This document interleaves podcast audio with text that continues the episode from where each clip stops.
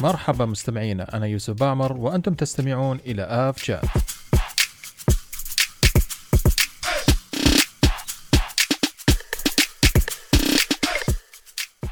مرحبا مستمعينا في حلقة اليوم من آف شات آه، حلقة جميلة كنا متحمسين للأمانة نسجل مع بعض كحلقة ثانية كفريق. آه كامل. طبعا معي في الحلقة هذه زملائي الجدد وإن شاء الله بعد فترة بتكونوا الزملاء العادة. إن شاء الله تعالى أبدأ بعبد الرحمن كابتن عبد الرحمن كيف الحال عبد الرحمن؟ أهلا وسهلا أستاذ يوسف كيف حالكم؟ نتشرف إن إحنا نعيد الكرة مرة ثانية و... ونسجل حلقة إن شاء الله تكون مفيدة لكثير ناس ونناقش مواضيع مهمة تهمنا كلنا آه، محبين الطيران. بإذن الله بإذن الله تعالى وسعيد جدا بتواجدكم وان شاء الله تعالى الحماس هذا يستمر إن شاء الله في الحلقات الجاية إلى أفضل وأفضل وطبعا زميلنا الثاني عمران مساك الله بالخير مساك الله بالنور والعافية يا هلا والله بأخونا يوسف ويا مرحبا فيك ومرحبا في كل المستمعين وإلى كل إخواننا عشاق عالم الطيران والمهتمين فيه وإن شاء الله أن نقدر نقدم لهم المادة اللي ترضيهم. بإذن الله تعالى، كيف حماسكم الحلقة الثانية إن شاء الله؟ الحماس في الحلقة الثانية ضعف حماس الحلقة الأولى. يعطيكم الحمد لله. آه عبد الرحمن بس الله يخليك إذا إذا تقرب المايك نشي المايك كان آه بعيد.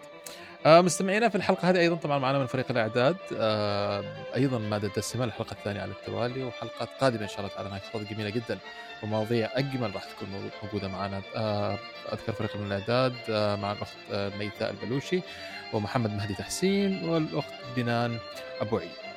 قبل بداية الحلقة أحب أذكركم دائما أن لا تنسوا تتابعوا حساباتنا على تويتر والإنستغرام بإمكانكم الاستماع لحلقات البودكاست على جميع منصات البودكاست ولا تنسوا أيضا تقيمونا على ال Apple Podcast Google Podcast Stitcher Spotify وين ما موجودين.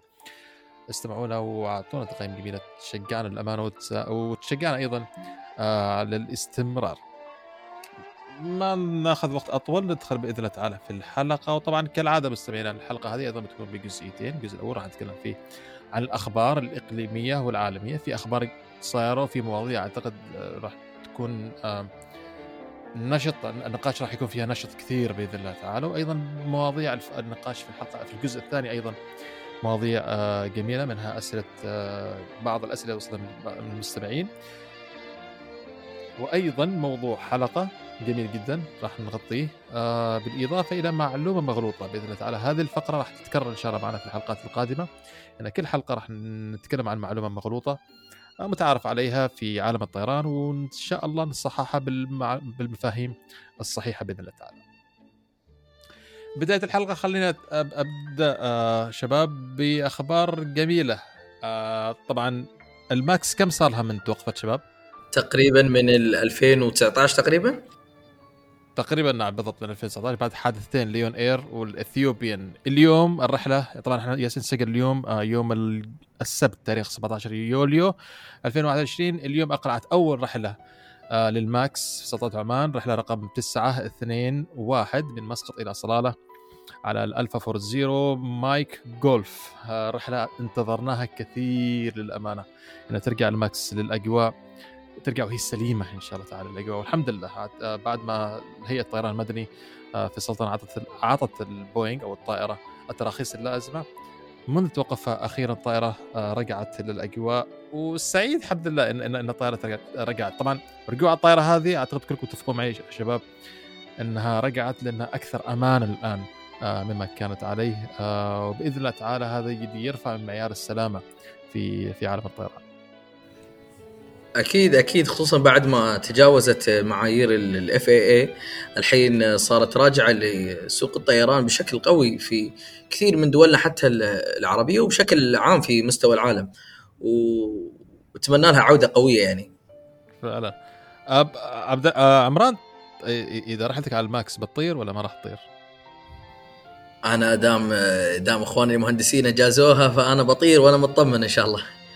والله صادق أنا أنا الأمانة تعرف من شفت الخبر إن ال Max رجعت صرت متحمس أريد أرجع أسافر.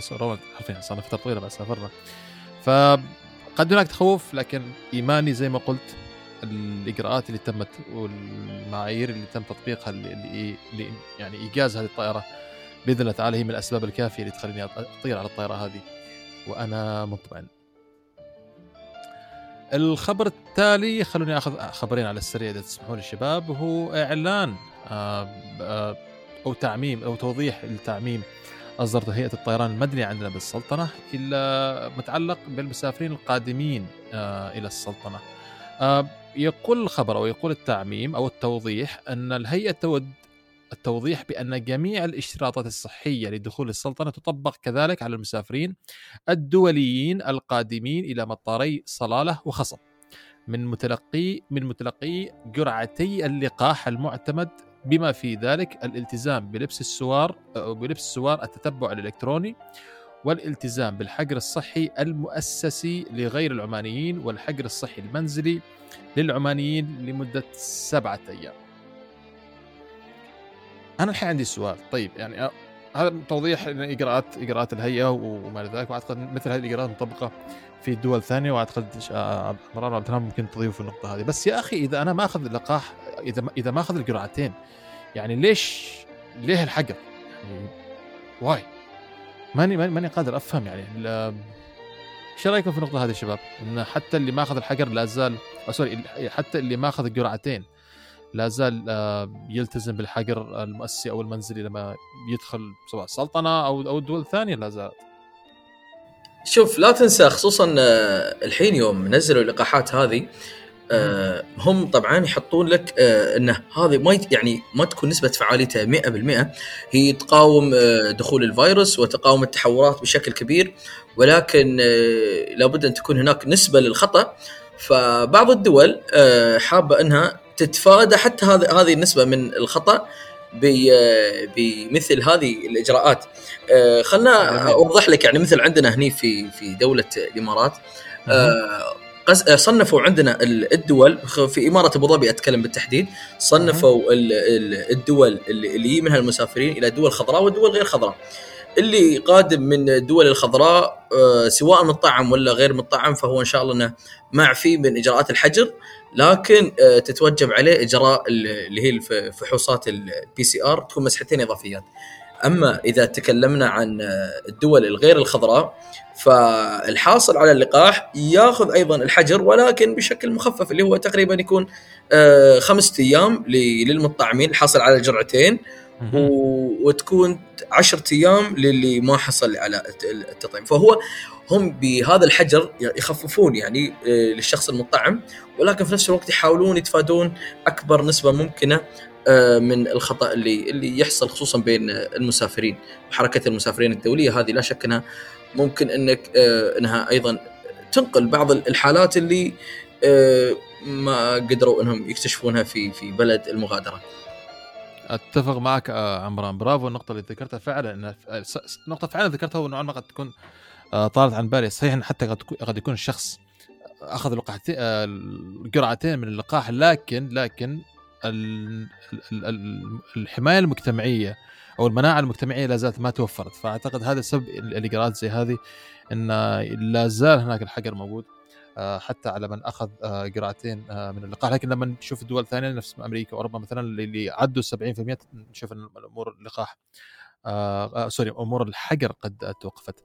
آه عبد الرحمن آه إيش تعليقك في الجزئية هذه؟ وإيش الاجراءات المطبقة حاليا آه في إمارة آه دبي؟ والله آه أنا أتفق مع اللي قاله عمران.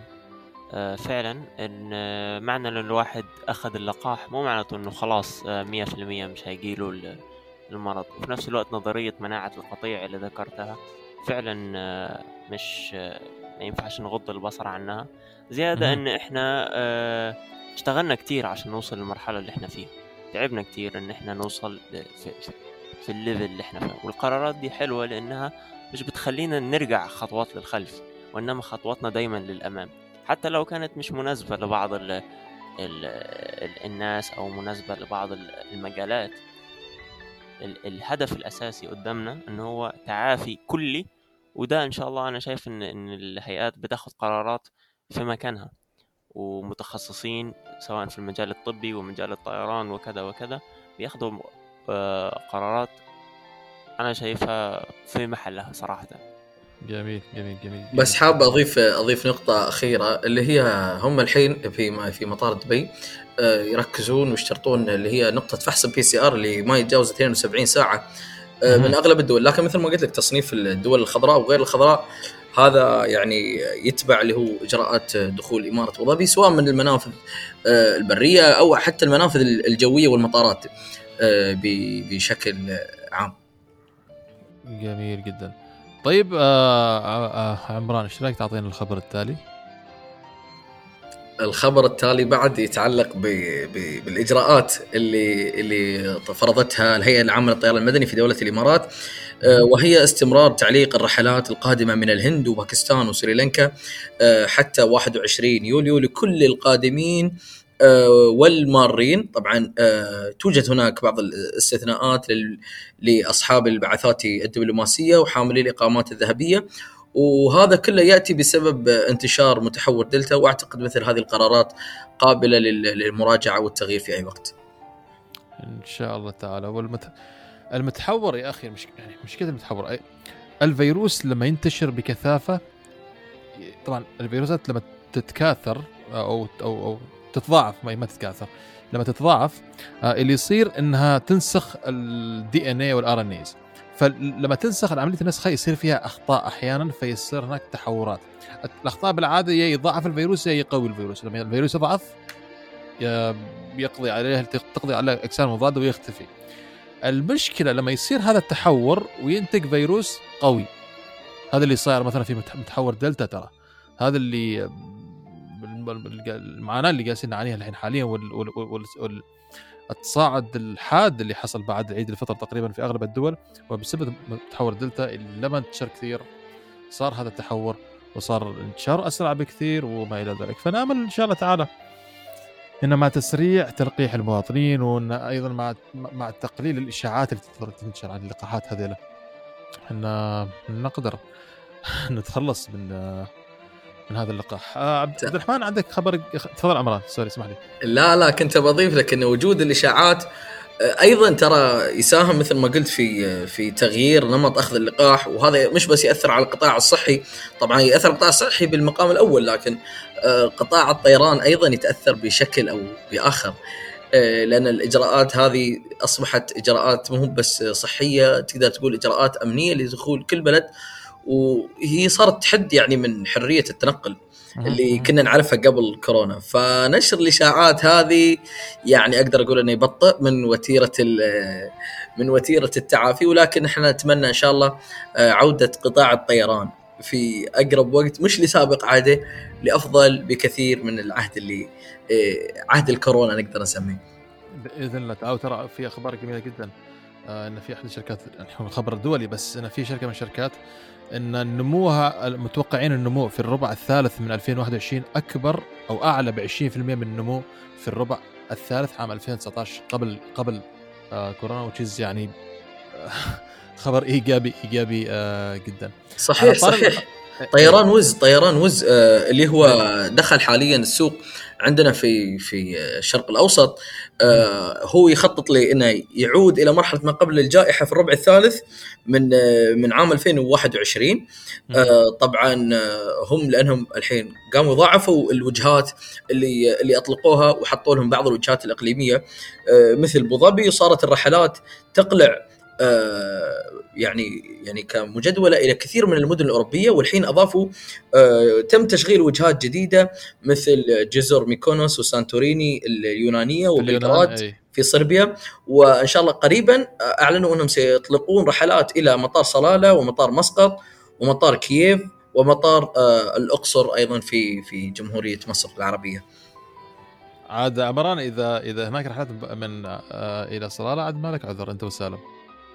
أنا وعبد الرحمن والشباب كلهم ما شاء الله على على طيران. وسالم ما لكم عذر خلاص. هو already شوف already إحنا عندنا فلاي فلاي دبي والعربية كلهم جايين.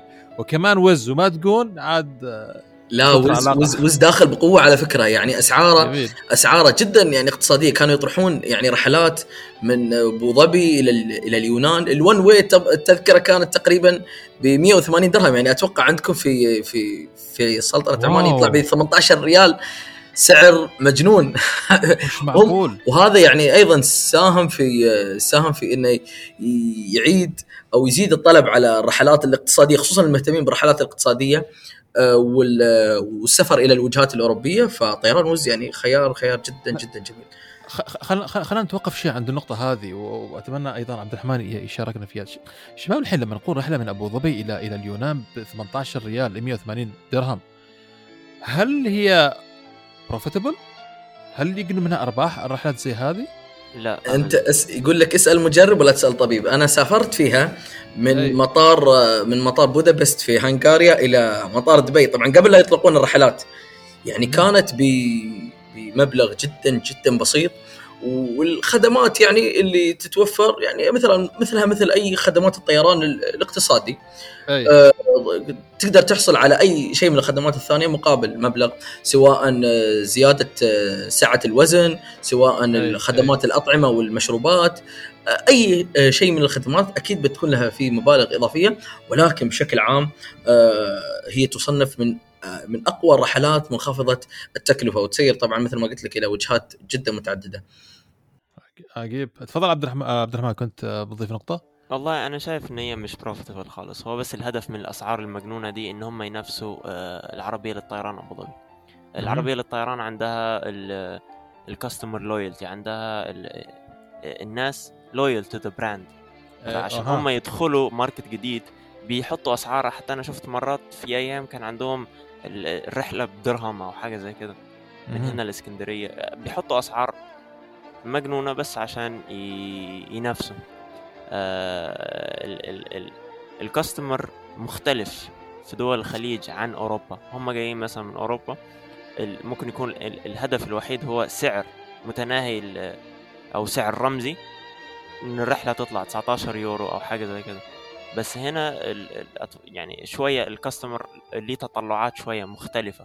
مش بس إن هو يركب كرسي وخلاص يعني لو عربية الطيران من من ميزاتها أكبر leg room لل low-cost carrier بتقعد مرتاح أما مثلا في في, في ايزي جيت أو في راين اير أو في في ال low-cost carriers في أوروبا بتلاقي إن هو الهدف بس إن أنت تحط أكبر ناس عدد ممكن في صحيح الطيارة صحيح صحيح. وباقل سعر ممكن. أتفق جدا أتفق جدا مع الأخ عبد الرحمن.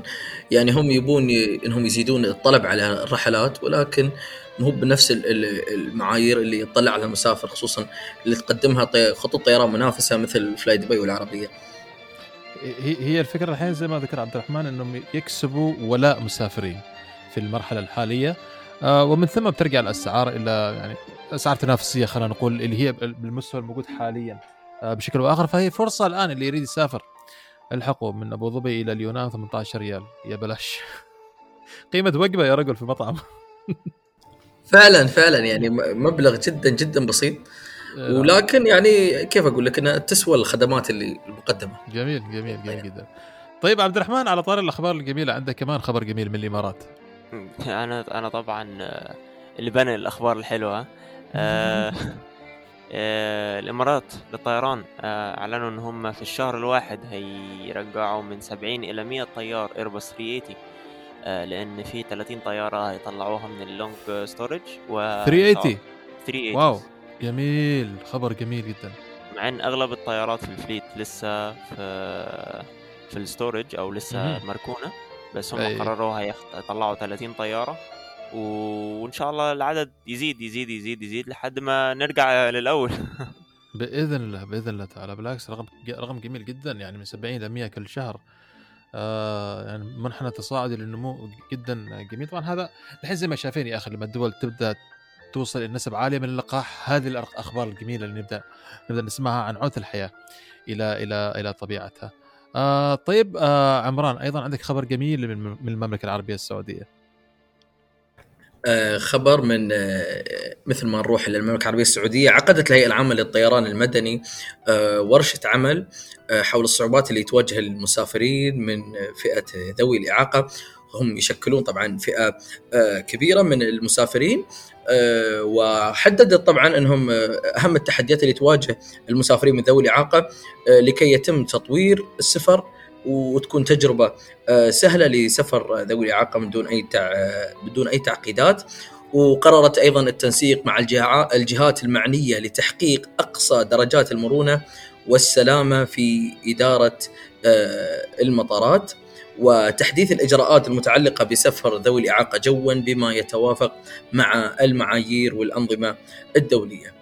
أه الحين أنا بسألك عن رأيك أخويا يوسف في في هذه النقطة خصوصا عندنا أه مسافرين وقطاع السفر حاليا بدأ يزيد الطلب عليه ولا شك أن أخواننا من من ذوي الإعاقة يشكلون نسبة مهمة جدا أه في في في قطاع السفر.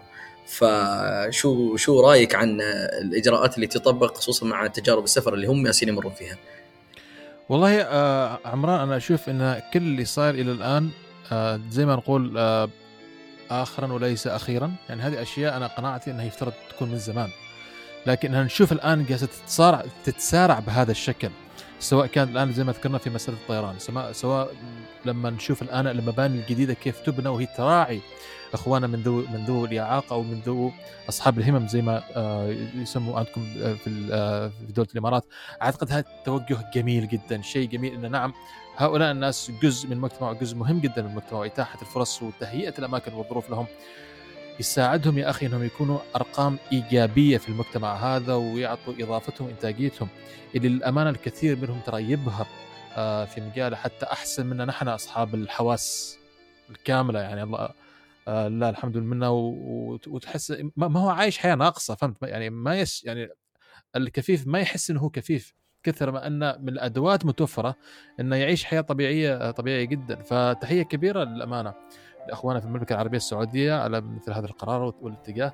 وبإذن الله تعالى منها الأفضل إن شاء الله تعالى لاخواننا بإذن الله. فعلا فعلا آه، هو يقول لك أن تصل متاخرا خير من أن لا تصل، هم آه، عندهم القدرة إنهم آه، إنهم ينتجون، إنهم ينجزون، إنهم يبذلون، طيب. لكن أيضا الجهات المعنية بحاجة إلى إلى وضع تسهيلات تناسب تناسب حالتهم الصحية ويكون في أيضا مرونة من تعامل آه، بعض الموظفين خصوصا فعلا. موظفين الخدمات الأرضية والخدمات التشغيلية تقدمها المطار لازم يراعون هذه النقطة بشكل كبير. بإذن الله تعالى وزي ما قلت عبد الرحمن إن شاء الله تعالى منها الافضل وأخيرا أن تأتي أخيرا خيرا من أن لا تأتي ابدا طبعا عبد الرحمن أنا آه, آه سوري عمران أنت مهتم كثير آه، بهذا الجانب آه، وعلاقتك جميلة جدا مع أخواننا من ذوي آه، الاعاقه.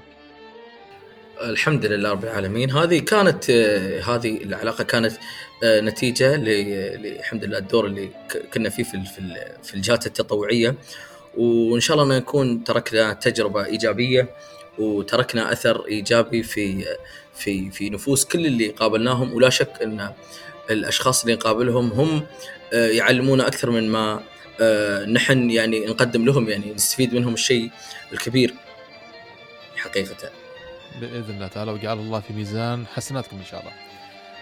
طيب يا سيدي في خبر كمان من المملكة العربية السعودية عن طبعا أيضا نرجع إلى جائحة كورونا والمتحور الجديد متحور دلتا آه، آه، بسبب هذا المتحور أعلنت المملكة العربية السعودية السبت الماضي عن تعليق رحلات من وإلى إثيوبيا الإمارات العربية المتحدة جمهورية جمهورية فيتنام. في ظل استمرار تفشي جائحة كورونا وانتشار سلالة سلالة جديدة متحورة من فيروس فيروس آه، كورونا متحور دلتا. آه كما أعلنت طيران الإمارات بأنها ستعلق جميع رحلات جميع رحلات الركاب من وإلى السعودية حتى إشعار آخر بسبب قرار المملكة بمنع السفر إلى ثلاث دول من ضمنها الإمارات نتيجة تفشي سلالة دلتا plus. يعني ما كفاية دلتا هذا كمان دلتا plus. الله يستر.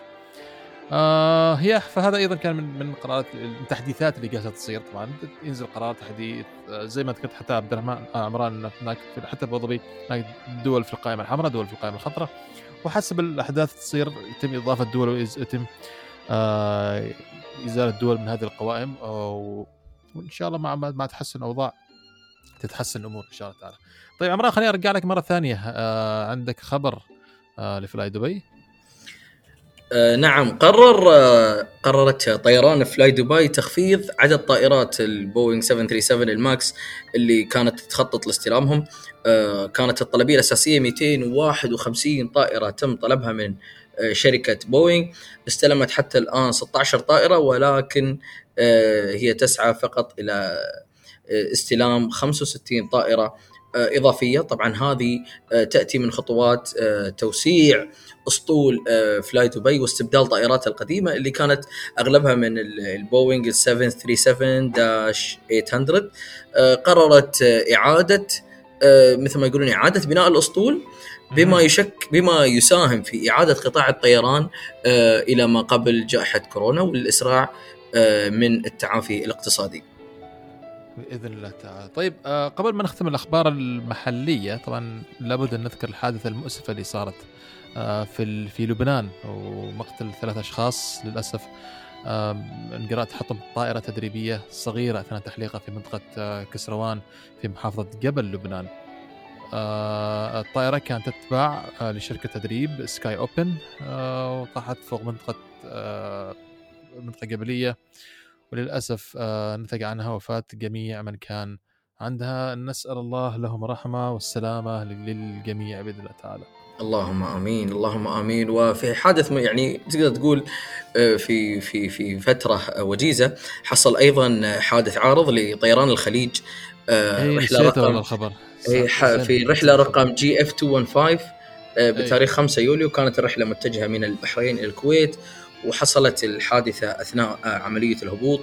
تم الحمد لله إخلاء جميع الركاب ال 62 راكب والسبعة اللي هم أعضاء الطاقم أعضاء طاقم الطيارة. ودون تسجيل أي إصابات بشرية أو خسائر جدير بالذكر الطائرة كانت من طراز الاي 321 الطائرة هذه مملوكة لطيران الخليج من أكثر من تسع سنوات. والشيء المثير للشك مثل ما يقولون كانت آه، كانت هذه الرحلة آه، أو هذه الطائرة ألغت رحلة لنفس هذه الطائرة المتجهة من مطار الملك عبد العزيز في جدة إلى البحرين في 6 يونيو بدون ذكر أي أسباب. أوكي طبعا أيضا من الإشاعات اللي كانت طلعت في حينها إن هناك حريق في الطائرة وما إلى ذلك وهذا الشيء اللي نفاته شركة الطيران وأيضا سلطات مطار الكويت إنه ما كان هناك أي حريق انما كان في حادثة وننتظر للأمانة تفاصيل آه، أكثر إن شاء الله تعالى عن هذا الحدث. طيب آه، اخواني هل في شيء لسه في الأخبار المحلية الإقليمية ولا ننتقل للأخبار العالمية ونشوف إيش عندهم؟ ننتقل ننتقل للأخبار الدولية طيب. عندنا بعد أخبار حلوة إن شاء الله. خل... خلينا نبدأ بخبر جميل جدا أعتقد خبر خبر خبر خبر آه من الأمور اللي أعتقد راح تبقى في التاريخ أول مرة في التاريخ طبيعي راح تبقى في التاريخ اللي هو إن الملياردير البريطاني السير ريتشارد برانسون وصل إلى حافة الفضاء على. على متن مركبة آه مركبة تابعة لشركة فيرجن جالاكتيك آه اليونيتي في إس إس آه طائرة طبعا آه أقلعت آه من مدرج آه في ماني متذكر في أي في أي ولاية بالضبط. آه، ارتفعت طبعا ال concept اللي طار فيرجن جالاكتيك هي مغايرة عن سبيس إكس وبلو اورجن سبيس إكس وبلو اورجن استعملوا صاروخ آه، يطلق من من منصة إطلاق ويتم يوصل للفضاء. ال concept هنا في في فيرجن جالاكتيك لا هناك طائرة طائرة فضائية نسميها ما اعرف spacecraft لكن هي محمولة عن طريق طائرة طائرة ثانية. الطائرة هذه الحامل الأم أو الحاضنة إذا إذا إذا صح إن نسميها. تقلع آه، من مدرج عادي ترتفع إلى حوالي ال 50 الف 46 50 ألف قدم. ومن ثم تعمل release لل space ال spacecraft اللي اللي فيها الركاب اللي كان فيها آه، ريتشارد برانسون. ومعاه ثلاثة من من شركة من من, طاقم زائد طاقم آه، شخصين قيادة كانوا.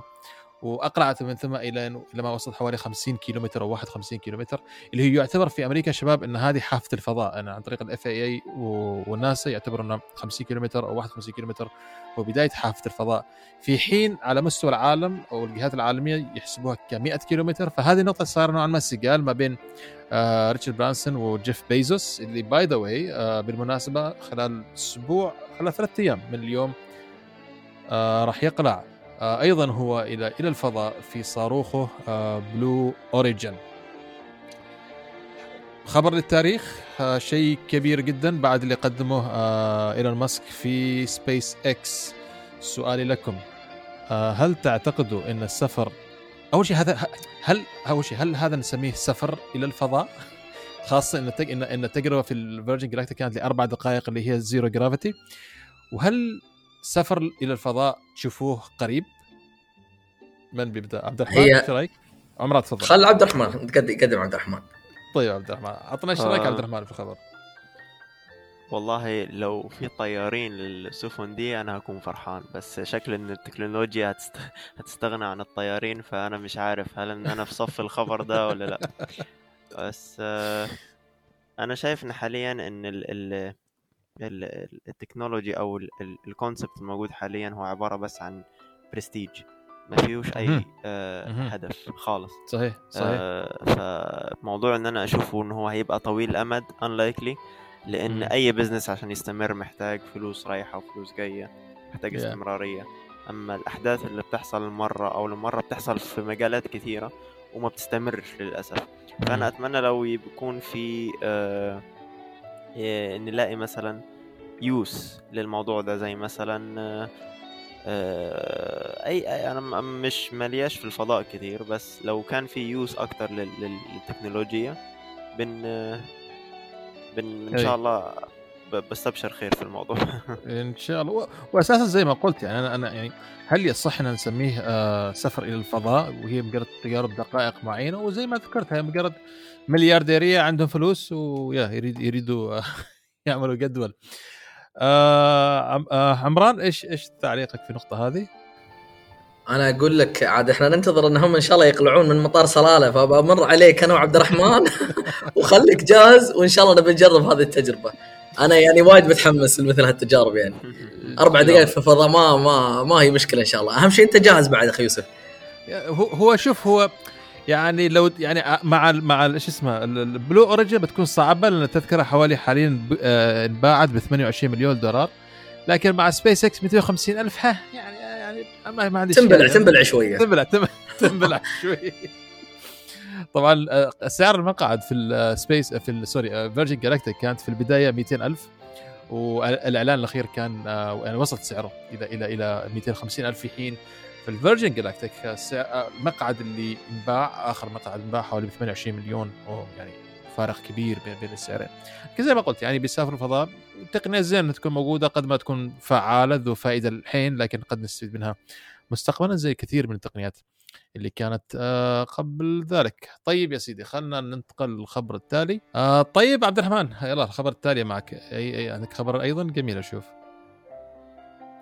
أتوقع عمران. اللي عنده الخبر. عمران آسف. يا أخي أنا خلط باسماكم دائما. عمران ادي عبد الرحمن وعبد الرحمن عمران. الأمور طيبة. كان بدأ عبد الرحمن ولا كان بديت أنا؟ ما ما في مشكلة إن شاء الله. الله يسلم خلونا نروح إلى هولندا.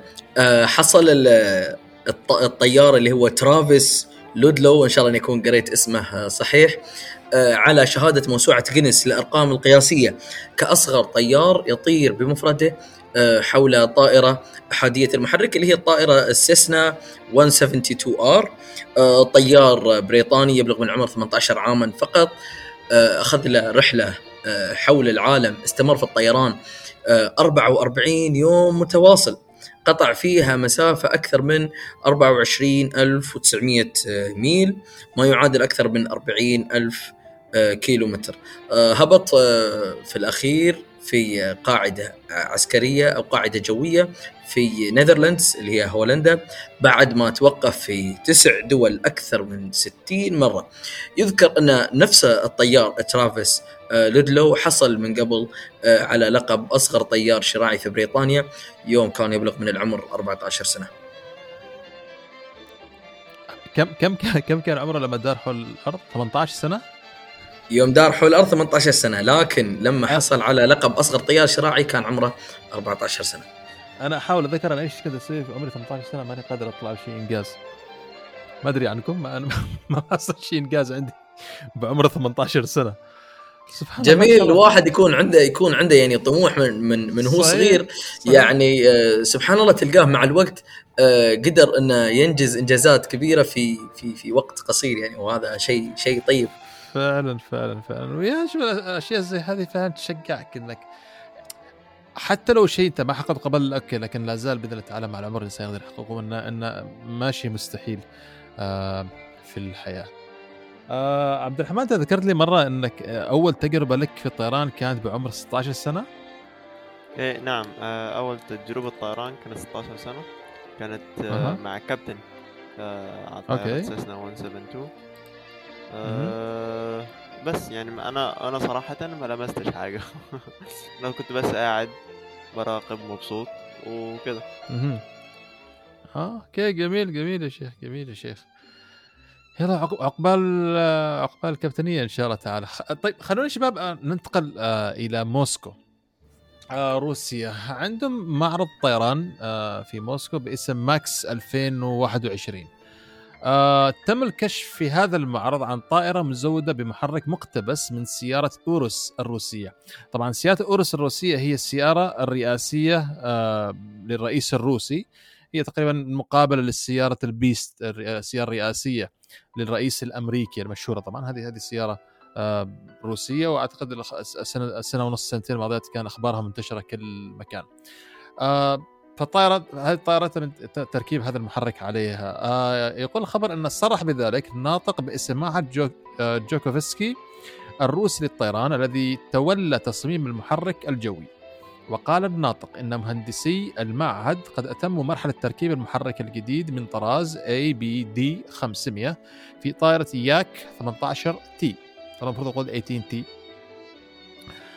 آه. آه، التجريبيه الروسية اللي هي طائره طائره تجريبيه وستعرض الطائرة في جناح فروع معهد. آه، جوكوفسكي بمعرض ماكس 2021 للطيران والفضاء الذي يفتتح يوم 20 يوليو بضواحي موسكو يعني خلال ثلاثة أيام اللي يريد يروح يشوف الطائرة. آه وأوضح الناطق أن محرك دي 500 قد أضيفت إليه أنظمة ودورات تضمن تشغيلا امنا للمحرك لأن تشغيل المحرك طبعا على الأرض مختلف بكثير من الطائر المحرك يشتغل في الجو على ارتفاعات سواء منخفضة أو عالية. طبعا عبد الرحمن اعطيت خبر مع- شيء بديهي آه لل- للطائرات.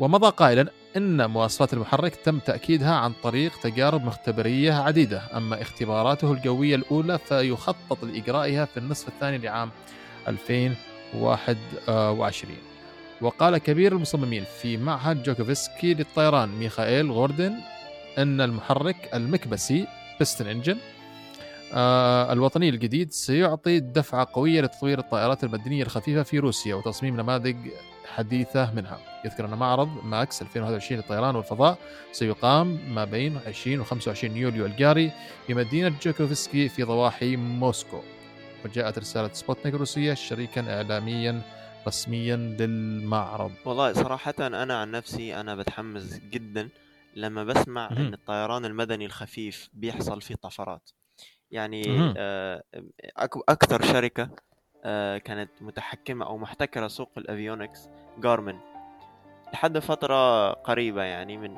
كذا سنة فاتت جت شركة تانية اسمها داينون وبدأت هي توفر avionics جديد ده نشر ثقافة الطيران بين ناس كتيرة حتى اللي ما كانوش مهتمين بالطيران وشافوا أصحابهم. بدأوا. يجيبوا طيارات عمرها 50 سنة يحطوا عليها avionics ويجددوا ال airframe يجددوا المحرك يعملوا overhaul يجيبوا محرك جديد آه، يحطوا مثلا fly by wire autopilot خلى ثقافة الطيران تنتشر بشكل كبير ولما أشوف إن. السوق.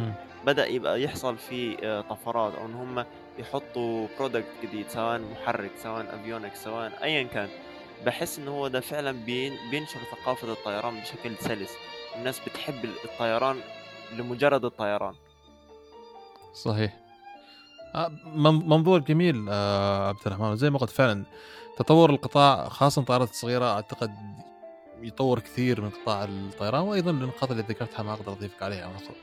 كونك شخص أيضا قاعد تدرس طيران أعتقد منظورك كان جدا آه، في في نقطة جدا آه، مهمة. آه، عمران عندك أي تعليق على الخبر ولا ولا ننتقل للخبر التالي اللي لا زلنا أو لا زال الخبر التالي في روسيا؟ أنا أتفق أتفق أول شيء مع نقطة عبد الرحمن إن الفترة الأخيرة التغيير في في الأفيونكس ساهم بشكل كبير في زيادة آه، نقدر نسميه الطيران الشخصي أو الطيران غير التجاري يعني. في في في طائرات ال- البستون انجن ومثل ما أقول إن هذه بتكون تجربة آه، جميلة جدا آه، للطيارين وأيضا حتى ال- الركاب على مثل هذه الرحلات. بإذن الله تعالى. طيب يا سيدي خبرك التالي أيضا من روسيا؟ اي بما أن تكلمنا عن روسيا فلازم أيضا نكمل الخبر الثاني في روسيا. أي. صرحت وزارة الدفاع الروسية آه، عن تعاون آه، القوات الجوية الروسية مع مع الدفاع المدني في مكافحة الحرائق في ياكوتيا. آه، هي تساعد في في مكافحة حرائق الغابات بجمهورية ياكوتيا في شرق روسيا. وكما صرح مصدر في وزارة الدفاع الروسية أن مكافحة الحرائق نفذت نفذت مجموعة مجموعة طيران التابعة للوزارة رقم 116 آه، عملية تفريغ أكثر من 420 طن من المياه آه، كما نقلت أكثر من 25 طن من البضائع ونقلت أكثر من 180 متخصص في مجال الإطفاء. طبعا واضح إن من هذا الشيء يعني حتى حتى على فكرة يمكن قبل شهر أو شيء آه عمران صار عندنا حريق في الجبل الأخضر أعتقد تعرف الجبل الأخضر آه نعم نعم سمعت عنه. بالضبط. فايضا اللي تدخل وساعد هيئة الدفاع المدني آه في مكافحة هذا الحريق كان أيضا آه سلاح القوى السلطان العماني بديهي بسبب صعوبة الوصول آه إلى الأماكن أو أماكن الحريق. ف يعني السلاح القوي دائما آه موجود في الخدمة. أعتقد هذا الخبر أيضا خير مثال آه على ذلك. الله يقويهم الله يقويهم العمل اللي يسوونه آه عمل إنساني نبيل وأيضا تسخير الطيران في مثل هذه المهمات الإنسانية آه لا شك هي آه يعني تترك عامل إيجابي أو تترك آه أثر إيجابي لعالم الطيران، عالم الطيران آه ليس قطاع تجاري بحت وإنما أيضا يساهم في في العمليات الإنسانية وعمليات الإغاثة. بالضبط وأحداث كورونا اللي كانت خلال السنة 2020 2021 نقل اللقاحات وإيصال الناس إلى إلى بلدانهم في عمليات الاقلاع وما إلى ذلك أيضا كانت خير آه، مثال آه، على ذلك. آه، عبد الرحمن عندك كمان خبر عن بوينغ نعم صاير معهم؟ عندي خبر عن طائرتنا المفضلة اللي هي من غيرها ما أتوقع راح يكون عندنا أخبار 737 أتوقع إحنا النهارده كم خبر عنها؟ آه الرحلة من مسقط وفلاي دبي وهذا الخبر الثالث. جليس العادة عبد الرحمن الماكس صايرة جليس العادة بالعام الماضي. بس المثير للاهتمام إن هذا الخبر الموضوع مش فقط عن الماكس وإنما عن كل ال 737 ال FAA ال Federal Aviation Administration الهيئه الأمريكية للطيران أمرت بفحص 9300 طيارة لعطل محتمل. بس بس. بس 9300 بس بس بس مش واقع بس.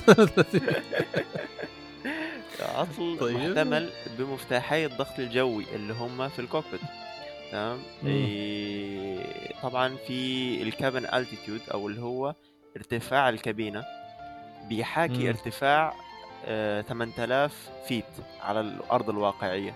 يعني لو أنت قاعد أه. في الكابينه هتحس إن أنت قاعد في جبل ارتفاعه 8000 feet الطيارات آه، طبعا بتحاول تحافظ على ارتفاع الكابينة من 6000 ل 8000 يعني بتكون على ارتفاع 30000 قدم. بس في الحقيقة أي بتحس أي. نفسك إن أنت على 6000 فالسبب التفتيش انه هو المشكك إن النظام الضغط ما بيشتغل لما ضغط الكابينة يوصل 10000 فيت. صرحت الهيئة أصلا إن آه، صرحت الهيئة أيضا أنها راح تحقق في 2000 ساعة طيران آه، في التسعين يوم القادم وراح يطلعوا بالنتيجة قريبا.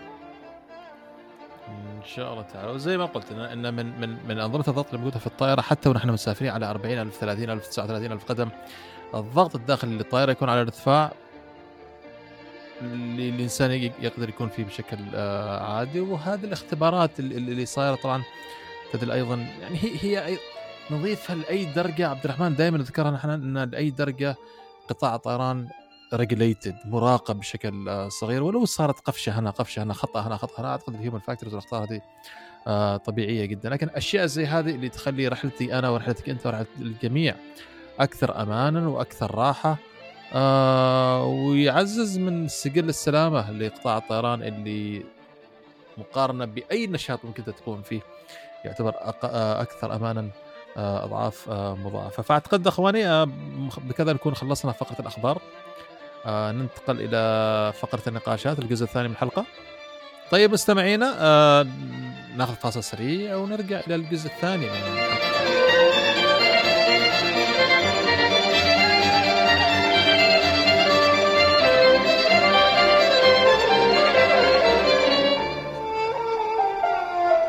مرحبا مستمعينا في الجزء الثاني من حلقة اليوم جزء جزء النقاشات والحوارات والمواضيع. عندنا موضوع شيق أيضا للحلقة الثانية جهزنا إياها عبد الرحمن بعد موضوع الشيق جدا اللي كان في الحلقة الماضية. أه تفضل عبد الرحمن عن إيش موضوعك اليوم؟ ويا نبدأ معك. الموضوع النهاردة شوية جميل وهي حاجة أغلب الناس سمعوا عنها وهي وحدة قياس السرعة. في مجال الطيران واللي هي ال knots صح؟ سمعنا فيها كثير عقدات سواء آه، مترجمة على إم بي سي 2 مثلا سمعناها أو آه، بين أي مناقشة مع محب لطيران ثاني سمعنا كلمة صحيح كتير. صحيح آه،. ال ال الأمر الشيق إن ال knots أصلا مش بس للطيران هي بيستخدموها في ال- البحرية فعلا حتى سرعة. كيف جت كلمة knots وما يعني ال knots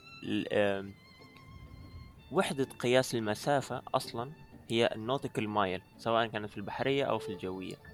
سمعتوا بال nautical mile أكيد؟ أي نعم. أكيد. ال nautical mile ال nautical mile ال nautical mile زي أي وحدة كان ليه reference إزاي جابوا ال reference ده؟ زي مثلا السيليزي أو وحدة قياس درجة الحرارة السيليزية جت من reference المي. مثلا المي بيتبخر على 100 درجة. فالمية هذه صارت 100 سيليزي أو بيتجمد في صفر درجة فصار هذا هو ال reference تبع الدرجة. ال nautical mile جاء بهندسة الأرض. الأرض لو اتقسمت من النص هيبقى عندك نفس الدائرة. صحيح, صحيح. صحيح نعم. والدائرة فيها كم زاوية؟ فيها 360 زاوية. 360 نعم. 360 زاوية.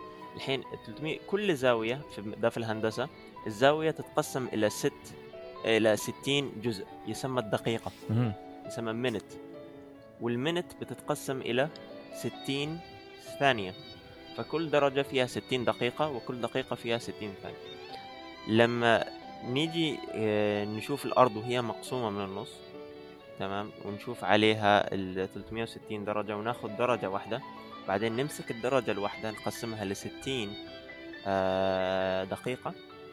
وهذه الدقيقة شفنا المسافة اللي بتقطعها على قشرة الأرض هذا يكون واحد nautical mile. آه واحد. nautical mile هو دقيقة من زاوية من لب الأرض. أها. و... okay okay. okay. الحين خلينا نرجع للخبر اللي قاله عمران في أول حلقة واللي هو ال- ال- الطيار من عمر 18 سنة اللي circumnavigate the earth كانت المسافة 40 كيلومتر صحيح؟ أي نعم 40000 كيلو. 40000 كيلو. 40000 كيلومتر صحيح؟ صحيح. دلوقتي ال nautical mile واحد ماشي؟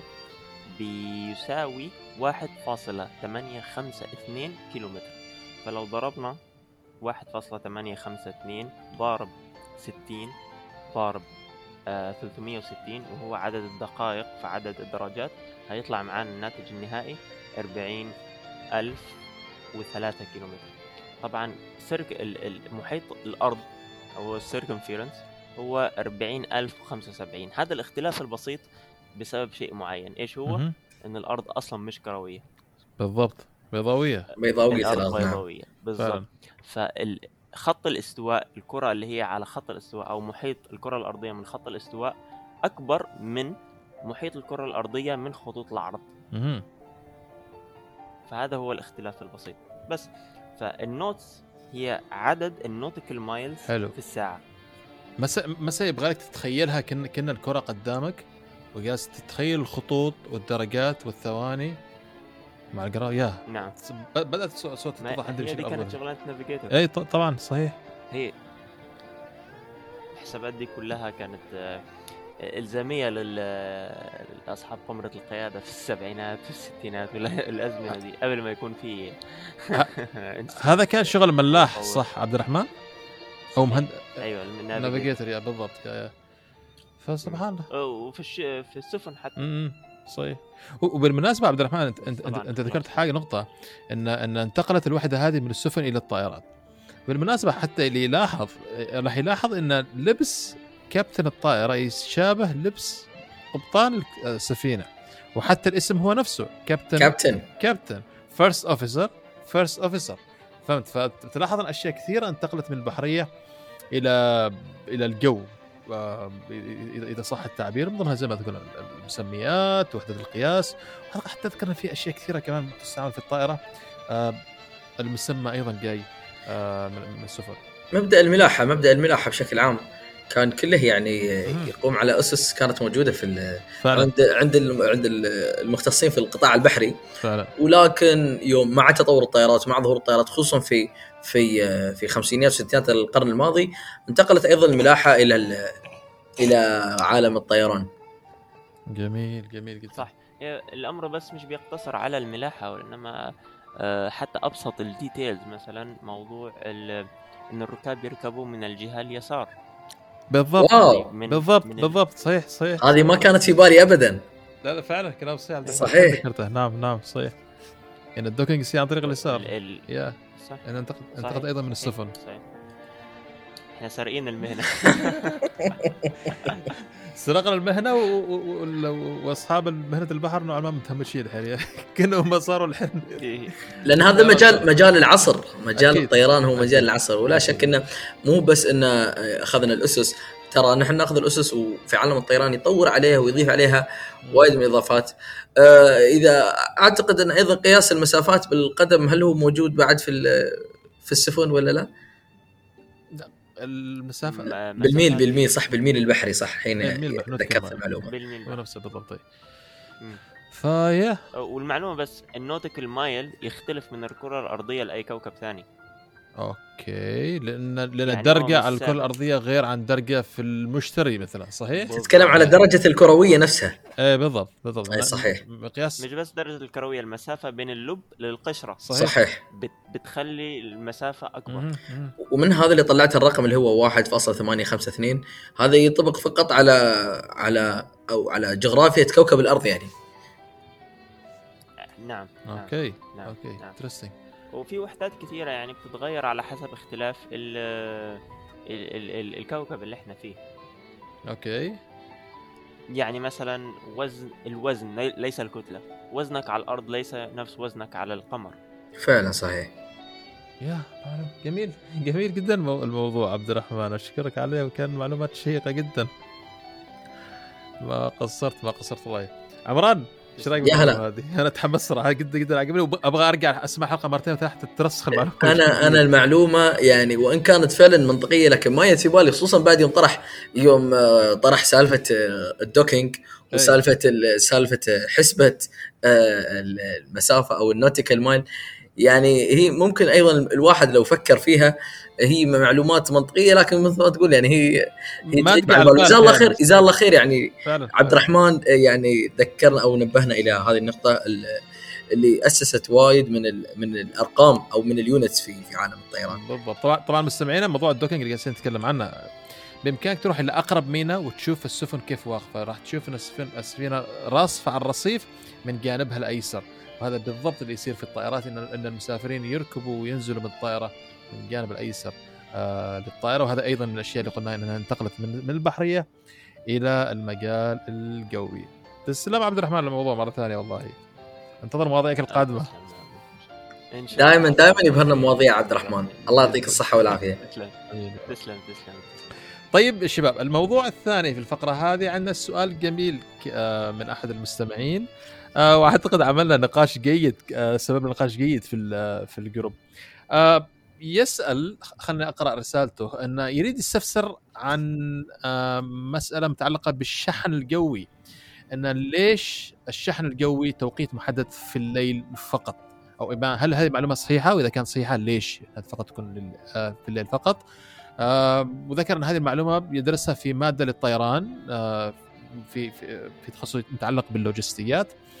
والموضوع صار إن لما كان يتحدث في الصف أو في المحاضرة إن عن إن سبب توقيت إن ان هناك سبب توقيت محدد للشحن الجوي.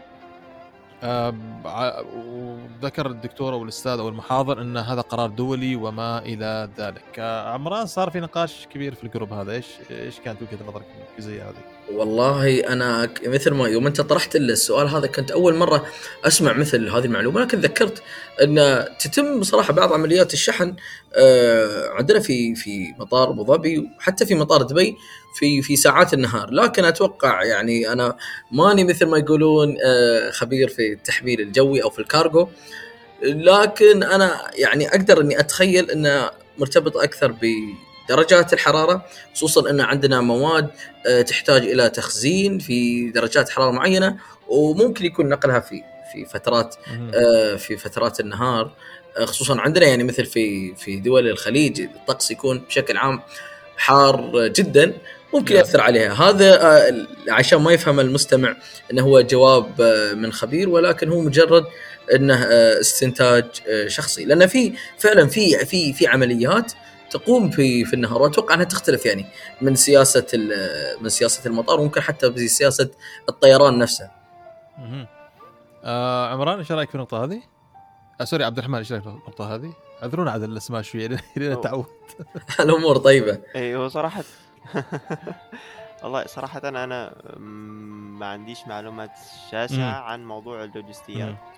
لكن إذا كان في شيء راح يعني أع- أحرزه أو أو كم إلى ذلك بس هيكون موضوع إنه هو آه، نظام اللوجستيات مثلا في دولة كبيرة زي أمريكا بيعتمد على نظام الهبز إن هي كل الرحلات تطلع من موعد واحد وتنزل في موعد قريب منه يعني مثلا لو في بضاعة هتروح من ال من كاليفورنيا لنيويورك وهب مثلا آه، شركة لل- للنقل في آه، أوهايو فالرحلات تنزل.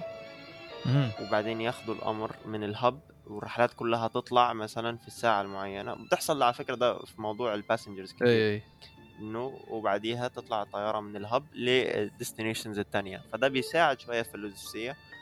آه لكن غير كده صراحة أنا ما أعرفش. آه، ده هيكون ال- الحدس الوحيد أعتقد أيضا النقطة اللي ذكرتها عبد الرحمن معقولة وأنا أنظر ترى أيضا من الجانب الثاني لأنها أيضا تعتمد على زمن الوصول في البلد الوصول مثلا. بعض الأشياء يعني بعض الشحنات يجب أنها توصل الصباح يريدوا يوصلوها إنها توصل الصباح بعض الشحنات يريدوها إنها توصل المساء.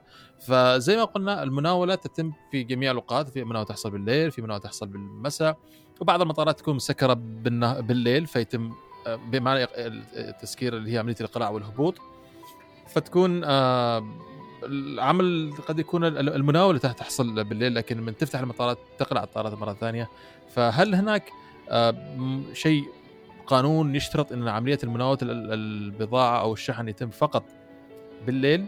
لا ما مر علينا هذا الشيء ولا نعتقد إن هذا الشيء آه، اللي حاصل لكن قد تكون هناك أمور لوجستية تجبر مطار معين أو هب معين زي ما ذكرت عبد الرحمن إنه آه، يعمل في الليل والعكس صحيح آه، أحيانا يكون عمل في النهار بحيث إن الطائرة تقلع بالليل وتوصل لوجهه آه، الصباح. فأعتقد هذا نوعا ما يعمل اجابه مختصرة أعتقد لل- لل- للموضوع. وكنت أتمنى للامانه أيوب وحافظ كمان يكونوا معنا بحيث أيضا يزيدون لنا من رأيهم في هذه الجزئية. فأعتقد عزيزي أعتقد الإجابة وصلت إن ماشي وصلنا ماشي لحد علمنا إن هناك قانون يشترط أن المناوله تحصل في الليل وإنما المناوله تحصل حسب الاحتياجات اللوجستية آه، لمطار الإقلاع ومطار الوصول والشحنات وأنواعها وزي ما ذكر آه، عمران أيضا الظروف الجوية قد تأثر وتخزين وأشياء زي هذه. جميل جدا طيب آه خلونا الحين ناخذ الفقرة أو المعلومة المغلوطة الفقرة اللي بإذن الله تعالى راح تصاحبنا آه في حلقاتنا بشكل يوم آه بشكل دوري إن شاء الله في كل حلقة. معلومة اليوم قد تكون آه الكثير فكر فيها واحدة من أكثر الإشاعات اللي تنتشر أو بعض المعلومات اللي قد تكون غير دقيقة آه عن الطيران اللي هي أن عمران تقرأ الخبر ولا اقرا أنا؟ لا لا اقرأ اقرأ يوسف وإحنا إن شاء الله بنعلم طيب يا سيدي يق... تقول نتكلم عن تفريغ الطائرة للنفايات البشرية والفضلات أثناء طيرانها في الهواء. حيث يعتقد الكثير من الناس أن الطائرات تفرغ خزانات المرحاض في الهواء أعزكم الله بل يزعم عديد من الناس بحدوث مثل هذه من مثل هكذا حالات معهم لكن في الحقيقة هذا مس... أن هذا مستحيل أن يحصل حيث لا يوجد أي نظام في الطائرة في الطائرات الحديثة لتفريغ الخزانات في الجو بمعنى ما في نظام في الطائرة يعني يضغط زر تفتح الخزانات للتفريغ. اللي يصير هو العكس إنه يتم معالجة هذه النفايات على متن الطائرة ويتم تخزينها في خزان معزول بعيد عن الوقود والهيدروليك. كما أن الأنظمة الموجودة في الطائرات تجعل من المستحيل فتح خزانات المراحيض ما لم تكن الطائرة على الأرض ومتصلة بشاحنة المجاري إذا إذا صح التعبير لتفريغ المراحيض عن طريق الخرطوم. آه، طبعا الطائرات القديمة كانت بشكل بآخر آه، تقوم بهذا الشيء وبس مش ان الفضلات الصلبة وإنما الفضلات السائله وكان يتم معالجتها وطبعا موضوع العزل وكان فيها ليكس وما إلى ذلك فكانت تتجمد وتتسرب في الجو ولما الطائرة تبدا تنزل إلى إلى إلى طبقات آه، أكثر دفء تذوب والمواد اللي تجمدت كانت آه، تسقط. عبد الرحمن آه، كان عندك ملاحظة مهمة في في الجزئية هذه إيش هي؟ صراحة هو موضوع حساس شوية عشان لو لو واحد قال غلط الناس هتصير تخافوا هو الفضلات فعلا تعالج. آه حتى بي من من أحد مدربيني كان بيقول لي آه لما بتكون على الرامب أو الأرض دايما حاول تكون في آه بعيد عن الطيارة من اتجاه الرياح. لانها هتلاقي نفسك اتصبغت بالمية الزرقاء. المية الزرقاء هي المية المعالجة. بعد ال أي. بس هل السؤال هل الطيارة بتكب مية وهي في الجو؟ الإجابة نعم ولا. فعلا الطيارات بتنزل مية. في في الايرباص حاجة اسمها ال drain mast okay. هي المية اللي بتنزل من حوض المطبخ حوض الجالي أي. وحوض الحمام. المغسلة. هي المية النظيفة. المغسلة أو- نعم. أي المغسلة. بتنزل وب في الجو المية لوحديها evaporate بت... بت... بت... بتتحول لسحاب على صحيح. طول تتبخر تل... آه، بسبب ال... بلحظتها تتبخر طوالي بالظبط فبتكون حتى زي مثلا بتبقى زي ال trail بتاع المحرك مهم. إلى حد ما. ف آه، دي المية اللي هي نظيفه إلى حد ما. تمام آه، أما مية ال- الحمام Yeah. بتكون آه، معالجة في ال في ال waste tank وبيحصل لها service لما بتنزل. صحيح صحيح صحيح. بس آه، هل في سوائل تانية بتنزل؟ ساعات ساعات آه، ممكن ينزل عليك فيول لو في dumping أو حاجة بس تذكر. تذكر حادثه triple 7 اللي صارت في أمريكا لما عملوا fuel dumping فوق مدرسة؟ آه آه. مسكين مسكين الأطفال. مساكين مساكين. آه عمران أي أي تعقيب على الجزئية هذه باشمهندس؟ لا والله ما اضيف ما اضيف على كلام أخوي عبد الرحمن. آه، بمثل هاي الأنظمة الموجودة في في طريقة التفريغ وأعتقد مثل مثل ما هو متعارف عليه انه يتم تخزينها وتي بعدين اللي هي يسمونها اللافوتري اللي تقوم بسحب كل ال ال الله يكرمكم الفضلات الموجودة في في الطيارة. آه بالضبط. فزي ما قال عبد الرحمن نعم هناك بعض الأشياء يتم تسريبها أو آه التخلص منها تفريغها في الجو. لا يعني الإجابة أيوه ولا بس أيوه لإيش؟ زي ما ذكر ماي المراحل المغسلة العادية آه مغسلة المطبخ مغسلة ال- المغاسل الموجودة الله يكرمكم في الحمامات اللي هو الماي نظيف لحد ما المياه نعم. نعم إلى حد ما. مجرد ما يتم تفريغها تتبخر تلقائيا ونتكلم عن ارتفاعات عالية جدا. أما الفضلات وأنتم بكرامة ما راح ما, يصير لها تفريغ ابدا وإنما يتم معالجتها آه، بمادة حافظة آه، أو مادة معالجة خلينا نسميها على في, الطائرة نفسها اللي هو اللون الأزرق المشهور. المشهور ليش؟ انه بامكانك تشوف مقاطع على اليوتيوب. حوادث آه، ولما توصل الطائره على الأرض يتم تقديم الخدمة لهذه الطائرة وتفريغ آه، الفضلات تعبئة ال- ال- ال- ال- المادة الحافظة أو المادة المعالجة الزرقاء هذه وأيضا ماء الشرب وما إلى ذلك. فيا كانت هذه المعلومة المغلوطة عن الطيران آه لهذه الحلقة رقم 17 وبإذن الله تعالى نلقاكم مستمعينا في الحلقة القادمة اللي هي حلقة رقم 18 إن شاء الله بعد أسبوعين وبالمناسبة كل عام وأنتم بخير مقدما وعساكم العايدين الفائزين وعاد الله علينا هذه الأعياد بإذن الله تعالى بعيدين عن هذه عن هذا الوباء وعن هذه الأوضاع الاستثنائية اللي جالسين آه، نعيشها. آه كل عام وأنتم بخير عمران مقدما بإذن الله. وأنت بخير وصحة وسلامة ينعاد علينا وعليك وعلى المستمعين وأنتم بصحة وسلامة وإن شاء الله بعيدين من من هذا المرض كورونا بإذن الله تعالى وكل عام وانت بخير كمان عبد الرحمن آه وأنت بخير آه يوسف بالعمر وإن شاء الله يعيد علينا. وعليكم بالخير ونجتمع إن شاء الله قريبا ون... ونوفر حلقات للناس آه بشكل اعتيادي أكثر. بإذن الله. أحب أشكركم على مجهودكم وعلى استضافتكم لي خصوصا أستاذ يوسف وزميلي عمران. صراحة مهما اتكلمت أكثر مش هيبين قد إيه سعادتي بتواجدكم معكم النهاردة. إن شاء الله نكمل معاكم آه مكملين مكملين بإذن الله تعالى. ونحن جدا سعيدين آه عبد الرحمن وعمران وطاقم الإعداد يعني كلمة شكر للأمانة. آه ما توفيهم حقهم على المجهود اللي جالسين يقومون فيه. وأيضا أنتم الإضافة القوية اللي جالسين تقدموها في الحلقات. مشكورين أخواني. آه نلقاكم في الحلقة القادمة وكونوا بخير. وبكذا مستمعينا نكون وصلنا إلى ختام حلقة اليوم. ونتمنى إنها نالت على رضاكم. إذا عندكم أي استفسارات أو ملاحظات سواء عن حلقة اليوم أو المواضيع اللي ناقشناها أو مواضيع تريدون نناقشها في المستقبل تعالوا كلمونا على حساباتنا على تويتر والإنستغرام. راح نرد على استفساراتكم أول بأول أو راح نرد عليكم في الحلقة التالية. وطبعا لا تنسوا تقيمونا على الآيتونز وأي منصة تستمعوا لنا منها. يعطيكم ألف عافية ونشوفكم على ألف خير في الحلقة القادمة.